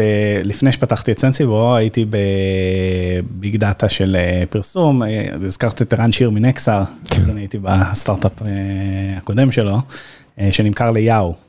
ראיתי את ההבדל בין ה self service של גוגל ושל פייסבוק ליאהו, שזה היה, אתה יודע, golf course, היית סוגר מיליון דולר עם איזה... ואנחנו ניסינו אגב, באיחור מסוים, לעזור להם, לשפר את ה... לא, לא, זה אתגר לא נתפס, אנשים לא מבינים עד כמה, באמת, אני לא יכול להדגיש במילים עד כמה הפיצוח הטכנולוגי, מוצרי, עסקי שם, בגוגל ופייסבוק, הוא משהו שלא היה כמותו. כן, כן, עכשיו אפל שומטת להם קצת את הרגל, את השטיח מתחת לרגליים, אבל גם לזה יש פתרון. אה, זה, אולי שווה לעשות פרק, אולי נביא את אה, יוני נמרודי או מישהו מפייסבוק ישראל, אבל מה שפייסבוק עושים זה פשוט הם אה, פיתחו יכולות של, שהלקוח ישלח, ישלח בפוסטבק את המידע, ואז נגמר הסיפור. אה, כן. אפשר, זה פשוט בגלל שהתרגלנו לכך שאתה לא צריך פוסטבק, יש לך פשוט גט, יש לך פיקסל, tracking pixel, שזה מילה שלא הרבה מבינים, אבל בסוף זה HTTP GET או HTTP POST, HTTP GET, אתה לא צריך שום אבטחה, לא צריך כלום, אז אתה רק שותל את הדבר הזה ב front-end וזה יעבוד, אחרת אתה פשוט תשלוח מהשרת. אבל בגלל שזה כבר נהיה, התרגלנו לרמה כל כך גבוהה, שכל אחד יכול לעשות את זה, לא צריך שום ידע בתכנות, אז התרגלנו לזה, ועכשיו שצריך לעשות טיפה יותר מסובך, בוא רק תשלח לי את ה event, שאני אסגור את ה loop וידע אם זה עובד או לא עובד, כל העולם קורס, כל המשק נכנס לסחרור. כן, כן? אתה יודע, כשאתה מתרגל לטוב, נורא קשה לחזור אחורה. זה זמן מעניין להגיד את זה, אה, טוב, קשה לחזור אחורה, כל המשק בסחרור. אני לא יודע, כן, מה יהיה חצי שנה או שנה מהיום, אבל אני לגמרי, אני לגמרי מודע למה שאני אומר, וכמה זה ייתפס מוזר עוד שנה מהיום כנראה. כן. אמ, זהו, אז, אה, ואז זה פשוט הצליח. תוך אה, חצי שנה הפכנו להיות חברה רווחית, החזרנו את החובות. זה כיף. אתה- אתה- אתה פחות או יותר היזם השני בין רשימה של אנשים שיש לו סיפור כזה שהגיע לאחרונה, וזה שני ברשימה יחסית גדולה, רון עצמון של אותנטיקס, שהוא אפילו האורח הבא, הוא חוזר לסיבוב שני.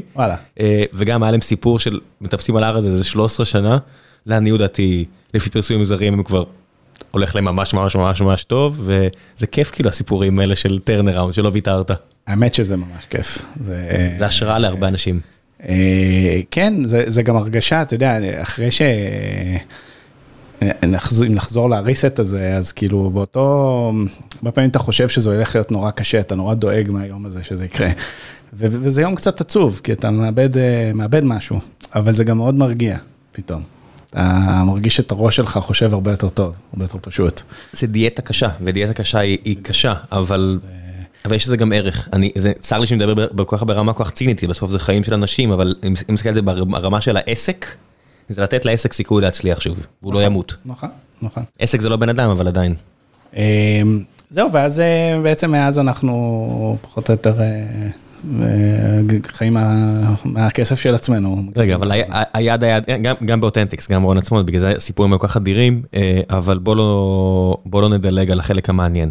בערך בתקופה הזו, יש אה, יצרן אה, שואבי אבק מפורסם, שמתחיל אה, לעשות אה, air purifiers בבריטניה ובשאר מקומות, יצא לי לראות את זה בכמה מקומות בבריטניה, או באירופה, אם אתם מכירים זה כזה טבעת כזה, אני בכוונה לא אומר את המותג, הם רוצים שישלמו, לא סתם, ו, וזה תופס, וכל מה שקשור ל-air purifiers, שזה תפס באירופה, צובר תאוצה, איך אתם שמעתם על זה פעם ראשונה? על air purifiers. כן. אה, תראה, הנושא של אה, איכות אוויר אה, התחיל רק ב-2021, אנחנו מסתכלים אה, כמה שנים טובות קדימה. אה, תשמע, אני ראיתי את הדייסונים האלה בטיפה אפילו לפני כן. אמרת את השם שלו. אה. אי אפשר- לא לפרגן למהנדס חשמל הגדול של המאה ה-21, אבל אה, באמת זה- פשוט מוצר כל כך יפה וסליק. תמיד עניין אותנו איכות אוויר. אה, כן. קודם כל זה מאוד מאוד קשור למיזוג אוויר. אה, הדבר הראשון שאתה עושה כשאתה אה, אה, מדליק את המזגן זה לסגור את החלון, נכון? ואז אתה משנה את הפלואו של האוויר. אה, וכל הזמן אמרנו לא לצאת מפוקוס, לא לצאת מפוקוס, לא לצאת מפוקוס, ובשלב אה, נשברנו ואמרנו, אה, פוקוס בוא. בוא נצא מהפוקוס ונעשה גם את זה. זה, זה, זה תחום שיש בו הרבה מאוד שחקנים מאוד חזקים, שהזכרת אולי את הכי מפורסם שבהם. אה, אנחנו פחות אה, מסתכלים על, ה, על המכונה עצמה של הטיהור אוויר, למרות שאנחנו מבינים בזה ואין ברירה אלא להבין בזה, אלא באמת אני חושב שמה שאנחנו מנסים לעשות, אנחנו קנינו מטהר אוויר. אה, ואחד הדברים ש, שהבנו זה ש... אה, זה מוצר שהוא קצת שבור מבחינת האקספיריאנס. אתה קונה אותו, אתה לא יודע, אתה אמור להדליק אותו? אתה לא אמור להדליק אותו? כי אתה לא מרגיש את ההשפעה. נכון, אתה לא יודע עד כמה האוויר שאתה נושם, אם אתה גר ליד כביש, עד כמה זה מזוהם, כן, אין לך שום מדד לזה. כן. אתה רואה טיפה את הלכלוך מצטבר, אם לא ננקה את החלון, ואז אתה מבין מה נשמת. נכון, וזה זה בעיה, זאת אומרת, זה, ו, ודבר אחר, אמ, יש איזה, כל ה marketing של זה הוא סביב אה, HEPA filters, בארצות הברית אנשים אה, אה, שואלים למי יש HEPA יותר טוב, H11, H13, H14. מי שלא מכיר, כל הרגולציה של הרשויות האמריקאיות בנוגע למוצרים בריאותיים כאלה ואחרים, כן, אז, אה, אז מה שאנחנו גילינו, זה שככל, בדרך כלל, ככל שהפילטר שלך יותר טוב, המטר אוויר עובד פחות טוב. שזה מדהים. זאת אומרת, אף אחד לא יודע את זה, וכולם רק רבים למי יש פילטר יותר טוב. הבעיה המשמעותית... מה זה אומר טוב? המילה טוב היא כל כך סובייקטיבית. טוב זה מה, דווקא זה די אובייקטיבי, זאת אומרת, השאלה היא כמה אוויר אתה מצליח לטהר. אה, אה, פילטר...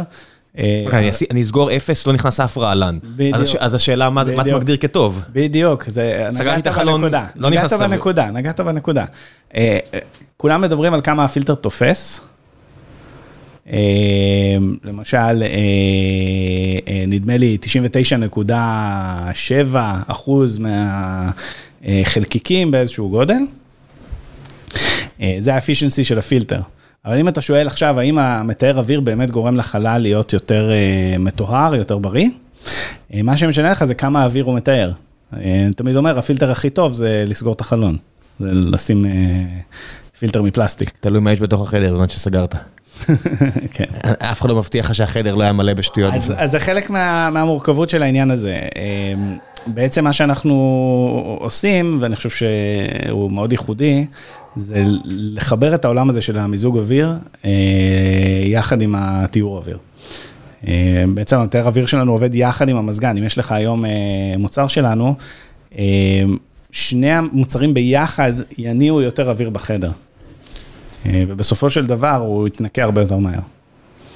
עד כמה זה, אוקיי, אז אם, אם אתה מרגיש בנוח לדבר, זאת אומרת, כשאני התעניינתי על הדייסונים למיניהם, אז קראתי את כל מה שציינת עכשיו פחות או יותר, וראיתי שיש הרבה ביקורת בסופו של דבר על זה שהמכשירים שעולים 10 אה, אחוז, זאת אומרת ירידה של 90 אחוז המחיר, עושים יותר impact. אז מה בעצם הגימיק? אני חושב שזה, שזה נכון, זאת אומרת, יש, יש אה, חוסר התאמה בין ה marketing של הדבר הזה. אה, אני הייתי צריך, זאת אומרת, אנחנו במטהר האוויר שלנו, הייתה את השאלה אם צריך לשים H13 או H14 ב-HEPA filter. עכשיו, H14 עולה יותר כסף, וראינו שיש מדד שקוראים לו CADR, זה Clean Air Delivery Rate. זה בעצם אומר כמה אוויר אני מנקה, וזה המדד הנכון. ואף אחד לא מתעסק בו יותר מדי, מתעסקים רק ב HEPA. וראינו שה-CADR עולה כשאנחנו ב-H13. אז אה, אתה יודע, ואנשי ה marketing אה, אומרים, אה, לא, אבל אז לא נצליח למכור, כי למתחרים יש H14. אמרתי, אין מה לעשות, אנחנו הולכים עם מה שטוב. אז איך אתם באמת מנסחים את המסר השיווקי של זה? זה, זה מורכב, זה מורכב. אה, אני חושב שאנחנו מנסים אה, להיכנס לנישה, קודם כל אה, תיאור אוויר היה באופן, בהרבה מקומות בעולם, משהו שהוא לא כל כך בעל המודעות, קצת הקורונה שינתה את זה, והוא נכנס יותר למיינסטרים. אנחנו מנסים, אנחנו באים מהעולם של ההום אוטומיישן, של הסמארט הום, ואנחנו מנסים להיכנס לנישה הזאת, שזה גם קהל שהוא טיפה יותר מתוחכם וקצת יותר אפשר, זאת אומרת, כן. באיזושהי מידה אה, לחנך אותו במובן. תשמע, כל מי שמוכן לשלם את ה-600-700 דולר על הדייסון הזה, שזה המחיר, אה, מעבר לזה שזה מאוורר גם, אבל אף אחד לא קונה מאוורר ב-600-700 דולר, אם אני לא טועה בין המחיר, אני אקח בחזרה, אל תתבעו אותי. אמ, יש לו גם את הכסף וגם את הרצון. נכון. הפרסונה פה נורא מובחנת. נכון. אמ, אז באמת, אה, אגב, אפילו אפל אה, התקשרו אלינו ואמרו, אה, יש לנו, אנחנו תומכים ב HomeKit, שזה ה smart home של אפל. כן. התקשרו אלינו מאפל, זאת אומרת, אתה יודע, כל יזם היה רוצה לקבל טלפון מאפל. אנחנו נורא רוצים שנדבר על אולי אפשר לשים אותו בחנויות שלנו. למה? איזה כיף. כן, בסוף זה לא קרה, לא משנה זה, אבל למה? כי אין, אין מטהרי אוויר שתומכים ב HomeKit. אז זה, זה, זה תחום שהוא די חדש לטכנולוגיה. אה, אז במובן הזה אני חושב שאנחנו נכנסים לנישה שהיא... זה משנה אה, הצורה? אה, זאת אומרת, בסופו של דבר, האוויר זורם מכל מקום ובכל מקום. תשאיר פתח, זורם האוויר. האם, אתה יודע, אתה מדמיין סיטואציה שאני הסתכלתי, אמרתי, רגע, אולי אפשר לעשות את זה מסביב ל... עכשיו שאני בונה, לא יודע מה, בית, האם אני אעשה את זה במקום החלון? זאת אומרת, אתה יודע, איפה אני אשים את ה... זה לא משנה, זה לא משנה, ואני אגיד לך יותר מזה, עקרונית, לדעתי זה צריך להיות מובנה בבית. אה, זה כן צריך להיות מובנה בבית. יותר מזה, זה צריך להיות חלק מהמזגן.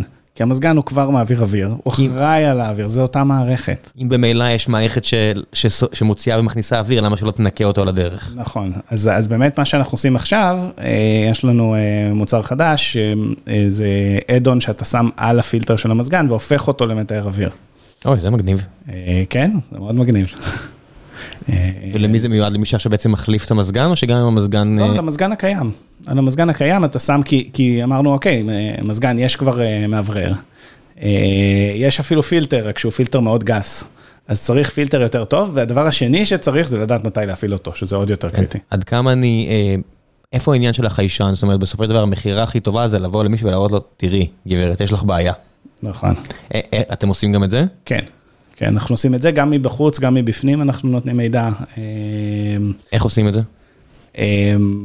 תראה, מבפנים אז יש, יש סנסורים. בכלל, כל העולם הזה של, אתה יודע, זה, זה, זה עולם מורכב, מה יש לנו באוויר, אבל בגדול זה מתחלק לשלושה דברים, אפשר להגיד. אמ, זה VOC, זה כל מיני גזים, אה, וכל הנושא של אה, חלקיקים, שזה מה שנמצא באבק, ורטיקולת נטר, ויש ארוסולים, שזה טיפות מים קטנות שהפכו לתפורסמות עם הקורונה קצת. כן. אמ, אז לכל אחד מהדברים האלה יש חיישנים, ושיודעים ברמה כזו או אחרת של אמינות לתת לך אה, מידע. ובמוצרים שלנו, עכשיו בדיוק השקנו מוצר ששולט במזגן ומודד VOC. מה אתם פשוט הולכים על, לא יודע מה, על הכבישים הראשיים בערים ודופקים דלת לדלת ואומרים, היי, תסתכל. לא- יש לך הרבה בלאגן בבית. כן, קודם כל אנחנו לא חברה שדופקת דלת על דלת, אנחנו חברה ש... פרסום דיגיטלי. כן, בדיוק. ככה, זה הדרך שבה אנחנו פועלים, והרבה פעמים שואלים אותנו, אנחנו גם מאוד גלובליים, איפה המרקטים העיקריים שלכם? אני אצא לך מפה של העולם, כמעט בכל מקום. מה באמת השווקים הגדולים שלכם? אנחנו נמצאים בערך 25% בארצות הברית, 25% באירופה, 25% באוסטרליה. והשאר בשאר העולם זה בערך ה... אני חושב שאוסטרליה היא חשובה ונורבגיה, שוודיה שדיברנו עליהם הם מקומות חשובים כי ביחס לאוכלוסייה אז יש שם צפיפות. זה מגוון בעיות אחד מהשני, אוסטרליה זה יהיה באמת החום אני מניח. נכון, נכון.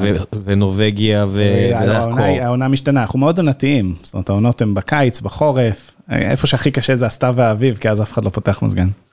לרכב על ה... ולא במובן הציני רע, אלא באמת לרכב על העניין ההולך וגובר בגלובל וורמינג וההבנה שמזגנים זה חלק ענק מהבעיה.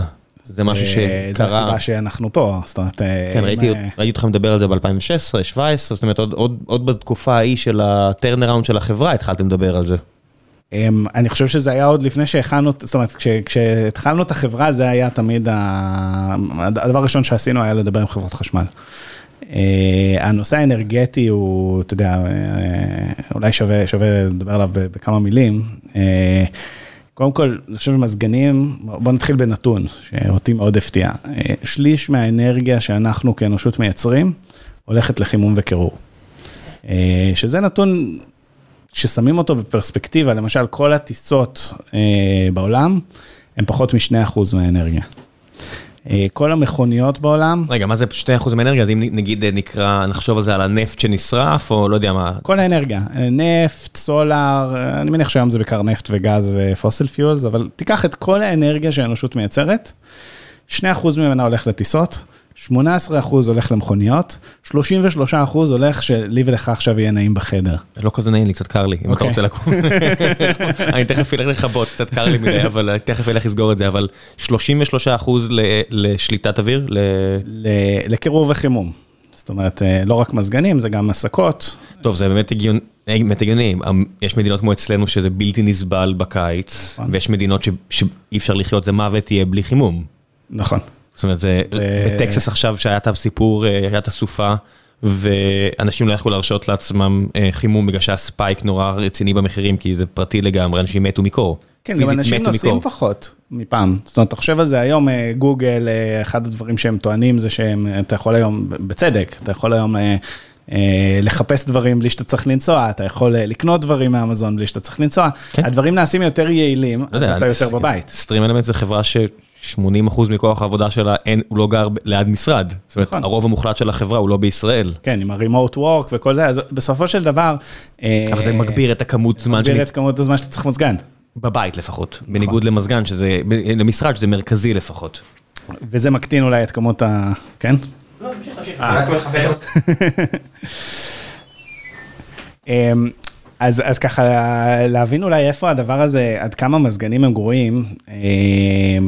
לסביבה, הם גרועים בשני מובנים. דבר ראשון, הם לוקחים כמות עצומה של אנרגיה, והיום יש לנו מיליארד וחצי מזגנים בעולם, תוך 20 שנה יהיו 4.5 מיליארד.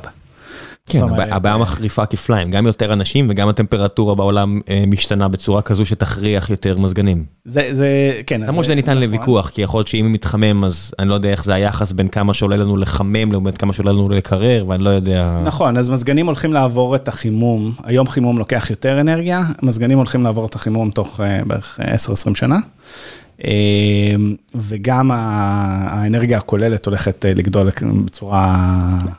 זה חייב להיות, כי אנשים, כמות האנשים בעולם גדלה בצורה רצינית, ואני מסתכל על איפה האוכלוסייה גדלה, אז הערים שיהיו הערים הכי גדולות תוך כמה שנים זה יהיה לגוס, וכל מיני ערים באפריקה, ובאפריקה יש הרבה פחות בעיות של צורך לחמם מאשר לקרר. אז בוא אני אתן לך נתון, ב-2013 ממשלת סין החליטה, שהם, נדמה לי שזה 2013, שהם רוצים שלאנשים יהיה מזגנים. אגב, למה הם רוצים שלאנשים יהיה מזגנים? יש המון מחקרים שמראים שכשיש מזגנים, הכלכלה משתפרת. זאת אומרת, מזגנים תורמים לכלכלה. הם גורמים לאנשים להיות יותר רגועים. מדהים שצריך מחקר בשביל זה, היה איזה גל חום בסן פרנסיסקו ואיזו עובדת שלנו אמרה לי, אני לא עובדת היום. אין לי מזגן בבית, אני צריכה לקחת יום חופש, אני לא יכולה לעבוד היום. אמרתי, אני מבין אותך לגמרי. אנחנו כל כך רגילים לזה, זה מובן מאליו בארץ, שאתה יכול לעבוד ב-21 עד 24 מעלות, כי בחוץ 40. תראה, אני זוכר את התקופה כשאני הייתי ילד שלא היה מזגנים במכוניות, אני זוכר איזה סיוט זה היה, שהיית פותח את החלון ומקווה איכשהו... אתה יודע, צר לי שזה זיכרון שאני לוקח אותו כ... אני זוכר שלא היה מזגן בכיתה. ולא היה אפשר להתרכז, זאת אומרת, זה זיכרון שממש חקוק בי, כי גדלתי בבאר שבע, שאתה חוזר מאיזה שיעור ספורט או משהו, ואתה אומר, יש אפס סיכוי שאני הולך להקשיב למה שקורה פה. חם לי פצצות. נכון. אז באמת זה מגובה במחקרים רבים, וממשלת סין החליטה ב-2013 שהיא הולכת לסבסד מזגנים, כדי לשפר את הכלכלה. כן. וסין עברה מחדירה של 5 אחוז, 10 אחוז מזגנים, ל-90 אחוז בתוך שלוש שנים. 10 אחוז, 90 אחוז מהאנשים בסין יש להם מזגן? כן, אוקיי. מהבתים בסין. זאת אומרת, היום כמעט כל בית בסין, אני לא זוכר אם זה 90 אחוז או 80 אחוז, אל תתפוס אותי על ה... זה המדויק, אבל בגדול, המון. כל הסינים רכשו מזגנים בשלוש-ארבע שנים. זה אומר שחצי מיליארד מזגנים נוספו לאינסטול בייס של העולם. עכשיו, הודו נמצאת היום בחמישה אחוז, עשרה אחוז, משהו כזה. הם הולכים להגיע לשם, אינדונזיה, פיליפינים, כל המקומות האלה, אתה מכיר את ה... אפריקה, אפריקה, זה הדברים שאתה מדבר עליהם, זה הדברים שהם טריוויאליים, שאנחנו קופצים לנו לראש, אנחנו חושבים איפה יהיה הקפיצה של מעמד עני לבינוני. אפריקה לא סופרים אותה, כי פשוט ויתרו עליה, אבל זה לא, אנשים לא מוותרים על עצמם כל כך מהר. כן. זה לא, לא, אני גם, לא להספיד את היבשת. אני חס וחלילה לא מספיד את אפריקה. היא פשוט לא קופצת אף פעם בדיונים האלה, ואנשים צריכים להבין שיהיו, זה חמישה או עשרה ערים באפריקה עם יותר מעשרה מיליון תושבים. כן, זה עצם זה שניגריה, זה נדמה לי 220 מיליון אנשים או משהו, אני לא בטוח בדיוק כמה, אבל הרבה מאוד מיליונים של אנשים. זאת תהיה המדינה הרביעית הכי מאוכלסת, והיא תעבור את הברית עד סוף המאה כמדינה השלישית הכי מאוכלסת. כן, אז אין ספק, זה הולך לגדול, ועכשיו מזגנים הם בעייתיים משתי בחינות, הבעיה האנרגטית, שזה בעיה שהם מדברים עליה הרבה, יש את כל הגז של המזגנים, שזה כאילו בעיה שאף אחד לא מדבר עליה, אבל היא עצומה. כן, החור באוזון ממש ירד, זוכר שכשאנחנו ילדים כולם דיברו על החור באוזון, זה היה הקטע. נכון. ועכשיו שמדברים על גלובל וורמינג, כולם שכחו מהעניין הזה של החור באוזון, זה לא מופיע בשום מקום. אז בוא אני אחדש, לא יודע אם אני אחדש לך, אבל אני אגיד לך, מזגנים התחילו, הגז המזגנים היה פעם CFC, שהוא יצר את החור באוזון שכולם דיברו עליו, ואז החליפו אותו ב-HFC. HFC לא עושה חור באוזון, רק מה, זה אחד הגזים הכי הכי מסוכנים מבחינת גלובל וורמינג שיש, בסדרי גודל. אוקיי? יש מדד, אני לא יודע אם יצא לך לשמוע, שנקרא Global Warming Potential. מה זה בעצם אומר? זה פקטור בכמה הגז הזה מסוכן יותר מ-CO2. אוקיי, נגיד אם יש גז שהוא לא מסוכן פי חצי, זאת אומרת הוא... הרי... יש הרכב לאטמוספירה של גזים, מה, אם, אם נמלא את האטמוספירה יותר בגז א' לעומת גז ב', ש-CO2 זה הדיפולט נקרא לזה, מה, מה בעצם, לא שזה, לא שזה תופס 100%, כן, יש חנקן וכל מיני חומרים אחרים, אבל מה אם יהיה באטמוספירה, יגביר את האפקט של הגלובל וורמינג, כן, אז, אז, אז אם אתה רוצה זה לשאול כמה זה יותר, פי כמה זה יותר גרוע לשחרר HFC, גז מזגנים, לעומת קילו, קילו של זה, לעומת קילו של CO2. כמה אתה חושב שה... 10? אז אנחנו מדברים על אזורים של בין 4,000 ל-10,000. כמה סדרי גודל יותר ממה שחשבתי. כמה סדרי גודל, ועכשיו במזגן טיפוסי, יש משהו כמו נגיד קילו גז על כל כוח, על כל מה שאנחנו קוראים כוח סוס, פחות או יותר. כן, אז בוא נגיד מזגן טיפוסי יכול להכיל שלושה קילו. עכשיו זה מערכת סגורה, הוא לא אמור לצאת. אבל הוא יצא בסוף. בוודאי, מתישהו נגמר. מתישהו אתה קורא לטכנאי, הגז. נגמר לך הגז, נכון? כן. שלא לדבר על זה שיום אחד אתה תזרוק את המזגן הזה. עכשיו, ביום שבו השלושה קילו... התווספו לאטמוספירה. התווספו לאטמוספירה, זה שקול עשר שנים של קומיוט בין תל אביב לחיפה. זה אותו דבר. כל איזה עשרה פרקים יש מישהו שמביא מידע כזה שמזעזע, אז היה פה דוקטור חכון שדיבר על כך שכל אונייה שהוגנת מחוץ לנמל חיפה או אשדוד, אונייה גדולה, שקולה למיליון כלי רכב. מבחינת הפליטה, אז אתה עכשיו מביא את זה על המזגנים. כן, יש, יש דברים, זאת אומרת, אחד הדברים, תראה, אחד הדברים שמאוד חסרים בכל התחום. אל תהרוס לטסלה את השיווק שלה. חס וחלילה, אני, אני, אני, אחד הדברים שאני נזהר לעשות, תראה, זה כל אחד הכל רואה חשוב. את ה... בדיוק, כל אחד כן. רואה את הבעיה שלו. אבל אני כן חושב שחסר מאוד ב... ב ואני לא חושב שטסלה זה אחת מהן. איזושהי גישה טיפה יותר אנליטית לעניין הזה של של גלובל וורמינג, של...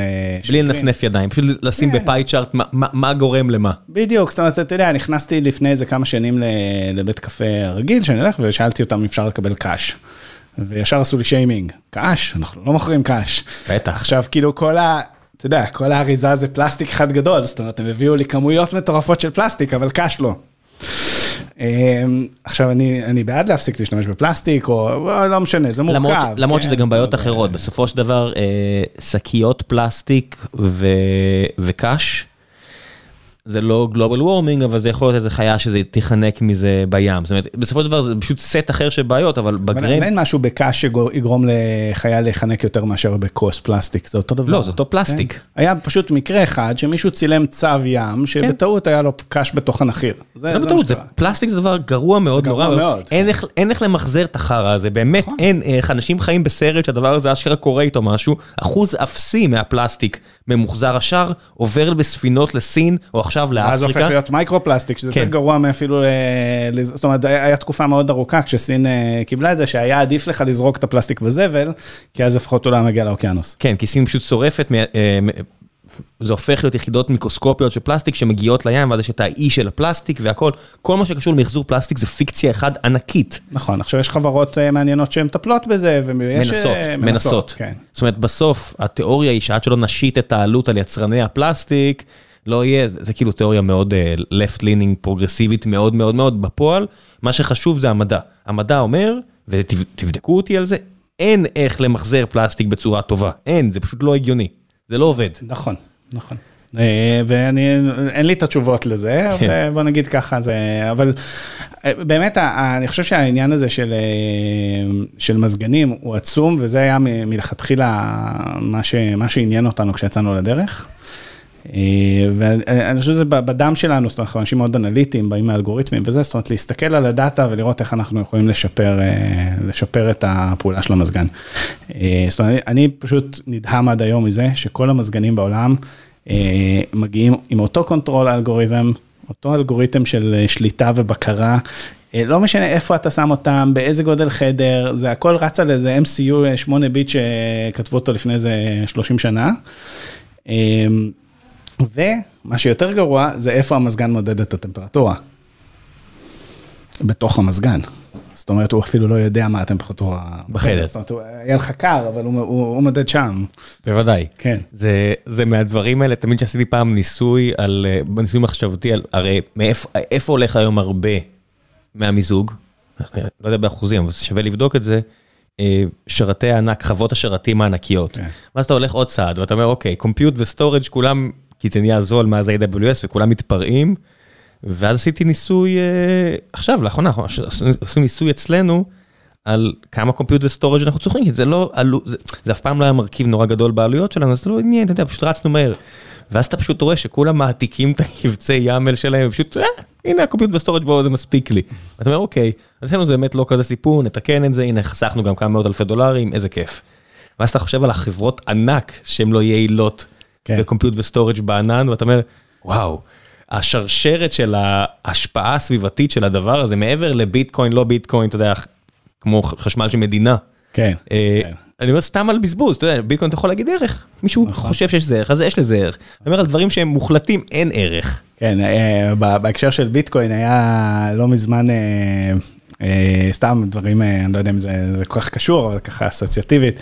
אה, מישהו אמר, אה, טוב, אני חושב שנדמה לי זה הבייננס, צריכים לקנות את אה, פלוטון כדי להפיק ביטקוין מכל האנשים שעושים תרגילי כושר. אה, דינמו אנושי. כן, דינמו אנושי, גם היה איזה פרק ב Black Mirror על זה. כן, כן. אה, וכל הטוויטים חזרה, זה מלא memes וזה. עכשיו, אני כמו בן אדם טוב, לקחתי את האקסל ובדקתי אה, כמה workouts יש לפלוטון, כמה זה, וואלה, משתלם להם לקנות. זה הרבה, זה הרבה זה- חשמל זה פוטנציאלי. בערך- בערך אה, 45 מיליון בביטקוין בחודש. לא, לא, זה באמת, זה, זה באמת, בסופו של דבר, הפעולה הזו של לסובב, את לסובב איזשהו אה, רוטר כזה או אחר, זה באמת פוטנציאל עצום לחשמל. כן, כן, כן. אז, אה, אז אני אומר, האנרגיה, אנחנו בינתיים עוד מתעלמים מזה, אבל באיזשהו שלב, עזוב מה אתה חושב על גרין וסביבה וזה, ו...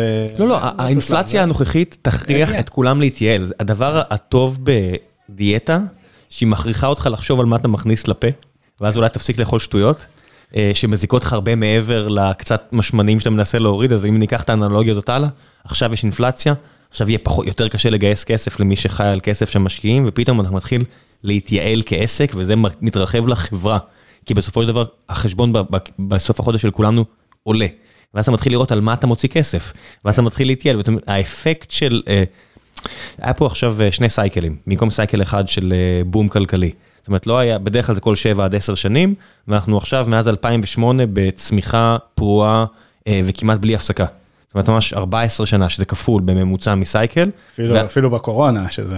כן. להפך, במיוחד בקורונה, שעשו את ה-quantitative easing המטורף הזה, שהם לקחו מיפן וייבאו אותו למערב, וכולנו הרגשנו את זה, אני מן הסתם בתעשייה שהכי, או אנחנו פה, בתעשייה שהכי הרוויחה, מזה, אתה פשוט לא עם כספי משקיעים, אתה בעצמך, אז אתה פחות מרגיש את זה, אבל ההשפעה היא, היא באמת לא נתפסת עד כמה העובדה שהיה שני סייקלים של growth במקום אה, אחד באמצע שירגיע את זה, כן. וזה בא לידי ביטוי בכל הדברים שאנחנו מדברים עליהם עכשיו. אה, נכון, אה, ומעניין שבסוף אולי פוטין אה, יגרום לכולנו להיות יותר ירוקים. מה שמדהים זה שבסוף אתה יודע, זה לא אחד, אין סילבר בולט, זה, זה, הכל ביחד. כן. זה הכל יהיה ביחד, אבל כן, המלחמה הזאת באוקראינה תוביל להרבה מאוד... שמע, אנחנו, אנחנו מרגישים את זה מאוד, אנחנו רואים את העניין בשוק האירופי במוצר.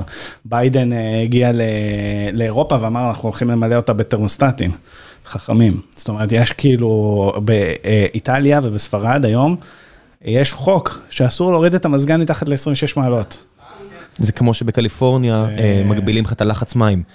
צורך יוצר אה. התייעלות. עכשיו, אני לא מאמין בזה, כמו שאמרתי. במלונות, רגע, במלונות, במלונות. כן, למי שלא הבין את זה, במלונות, מצטער, אני לא חי בקליפורניה, אז אם אני מגיע לזה במלון, במלון הגבילו אותי על לחץ מים, ושם אמרתי.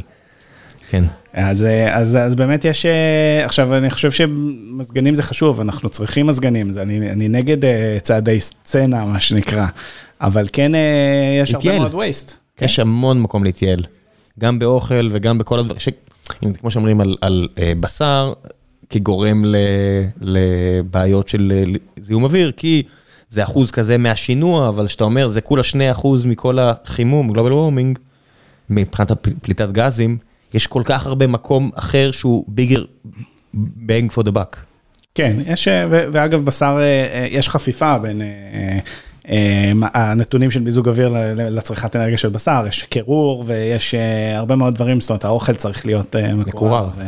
ו- אז, אז יש פה איזושהי חפיפה, אבל... אה, כן, ברוקולי אתה פחות צריך לקרר כמו אה, בשר חי. נכון. אני, אני דווקא חושב שבשר זה אחת התעשיות. ה... כשמסתכלים על data, הוא באמת בולט לרעה. הוא, הוא, הוא ומזגנים זה השני uh, פייבוריטים שלי. זאת אומרת, אם לא, הייתי... לא בשר, אבל, אה, אוכל מן החי. אוכל, כן. כן, כן. פשוט ה footprint של זה כל כך גדול, ו, וגם זה הולך לגדול אקספוננציאלית, אתה יודע, דיברנו על סין. וגם זה, כמו שאמרנו. על זה שזה נהיה זול, אז אתה כבר לא חושב על מה אתה עושה, אז גם הכמות בזבוז עלתה, אתה ובסוף, מלווה מהעתיד. כן, עברתי בדיוק, אה, אתה מלווה מההווה, אני כבר, זה כבר לא, זה כבר לא, אתה פשוט מלווה מההווה. אה, יש מחיר לחינם. כן. יש מחיר לחינם, בסוף כל הדברים האלה, אתה יודע, שאנשים יתרגלו, אוקיי, אנשים יתרגלו לחבילות שמגיעות מסין בכלום כסף, הזמינו מגנט, וזה מגיע. אוקיי, חלק מזה זה בגלל שיש מערכת הסכמי סחר על דואר, שהיא עקומה לגמרי מהתקופה שרצו לחזק את סין, כי זה הייתה במקום נכשל. נכון. עכשיו אנחנו קצת תקועים עם זה. מעבר לכך, עכשיו אתה מתרגל לאיזשהו bad behavior ונורא קשה להפסיק, אם דיברנו על מערכת פרסום של פייסבוק שהתרגלנו לזה שהיא כל כך טובה ואפל טיפה מזיזה את הגבינה וכולם משתגעים. אנחנו יצורים מאוד סקנדלתיים, סט- סטגלתניים, אנחנו קשה לנו לחזור אחורה. יאללה, חלק אחרון של הפרק, המלצות, אין לי רגולציה, אז כל מה שבא לך, אז דבר ראשון המוצרים שלכם, מה עוד? תן לי לינקים. לינקים למה? למה אתה רוצה שאני אפרסם? בדף של הפרק. אה. אנשים שמעו אותך עכשיו מדבר שעה וחצי, אמרו, אני רוצה גם. אה, אתר שלנו סנסיבו.קום. יש אשאיר לינק לזה. אה, אז המלצות. מה שבא לך, דברים ששמעת, ראית, קראת לאחרונה שמעניין, לא חייב עוד בקשור מזגנים. ככה בנושא של יזמות או דברים כאלה או דברים של ביזנס. מה שבא לך. never split the difference, אחלה ספר למי שמתעניין במשא ומתן. קראתי לאחרונה, אם נדבר על פרוזה, קראתי את Orphan Master's Son, לא יודע אם שמעת על לא, מה? ספר על צפון קוריאה, שזה כאילו עולם אחר, אם רוצים להיכנס ל... וואו, יאוזה. לגמרי לא קשור, כן? המלצות ככה. כן, כן, זה היה, לא יודע אם שמת לב, הפודקאסט הזה הוא לא הכי מובנה בעולם. כן, שמתי לב, האמת ששמעתי כמה פרקים, עומר השותף שלי אגב אמר לי שהוא שמע המון פרקים שלכם. הוא הגדיר את זה כבערך 100, אז... נשמע הגיוני. אני שמעתי רק כמה לאחרונה ומאוד אהבתי. זהו, אני חושב ש... אין לי עוד איזה משהו. שיהיה המון המון המון המון בהצלחה. תודה רבה. זה, הצלחתכם הצלחתנו כמו שאומרים. חשוב שהדבר הזה יצליח וגם חשוב שיהיה הרבה יותר חברות מגוונות בארץ, זה ממש טוב לתעשייה פה. כן, כן. יש הרבה מהנדסי חשמל שעושים תוכנה כי הם לא מצאו מקום לעבוד משהו שיותר קרוב לליבם.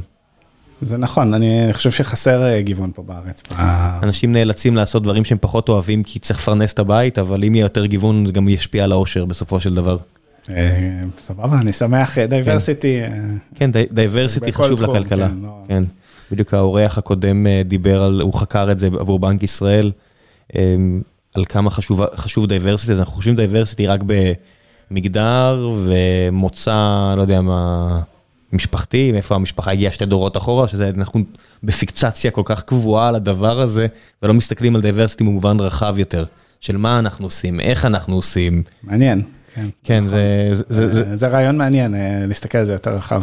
כן, כי בסוף diversity זה, זה, תמיד שמגינים פה על חקלאות, אז כולם מסתכלים דרך החור של המטבע, ואומרים, האם באמת אנחנו צריכים חקלאים או דברים כאלה, ואני אומר, עצם העובדה שאנשים שלא רוצים לעבוד במשרד יכולים לעבוד בשדה, וזה ממלא אותם אושר, יש איזה חשיבות פשוט נורא קשה למדוד, ואז כן, יוצא נפנופי ידיים. כי באמת העלות... אתה לא יודע איפה innovation יבוא, הוא יכול לבוא פתאום ממקומות...